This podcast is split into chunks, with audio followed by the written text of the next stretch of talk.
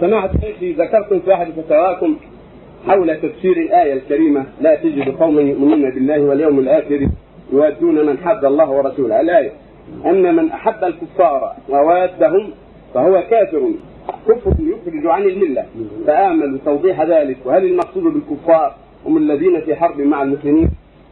نعم من أحب الكفار اليهود والنصارى والمشركين ولا كانوا في عهد ولا في حرب. من أحبهم لدينهم ورضا بدينهم والتعاون معهم على مصالح دينهم ونحو ذلك فهو مثلهم.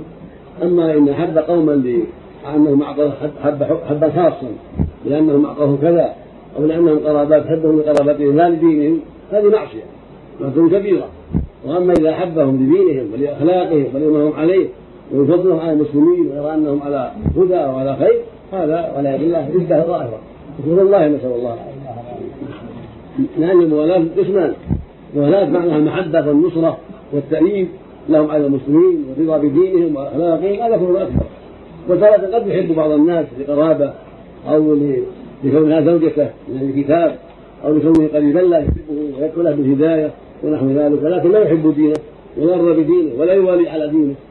هذه محبة ناقصة محبة خاصة من أجل قرابة أو صلة أخرى. هذه محبة تنقص دينه وتضعف دينه. ويجب عليه بغضه بالله ومعاداته بالله لا تكون لكن لا تكون ردة كبرى بل هي دون ذلك نسأل الله.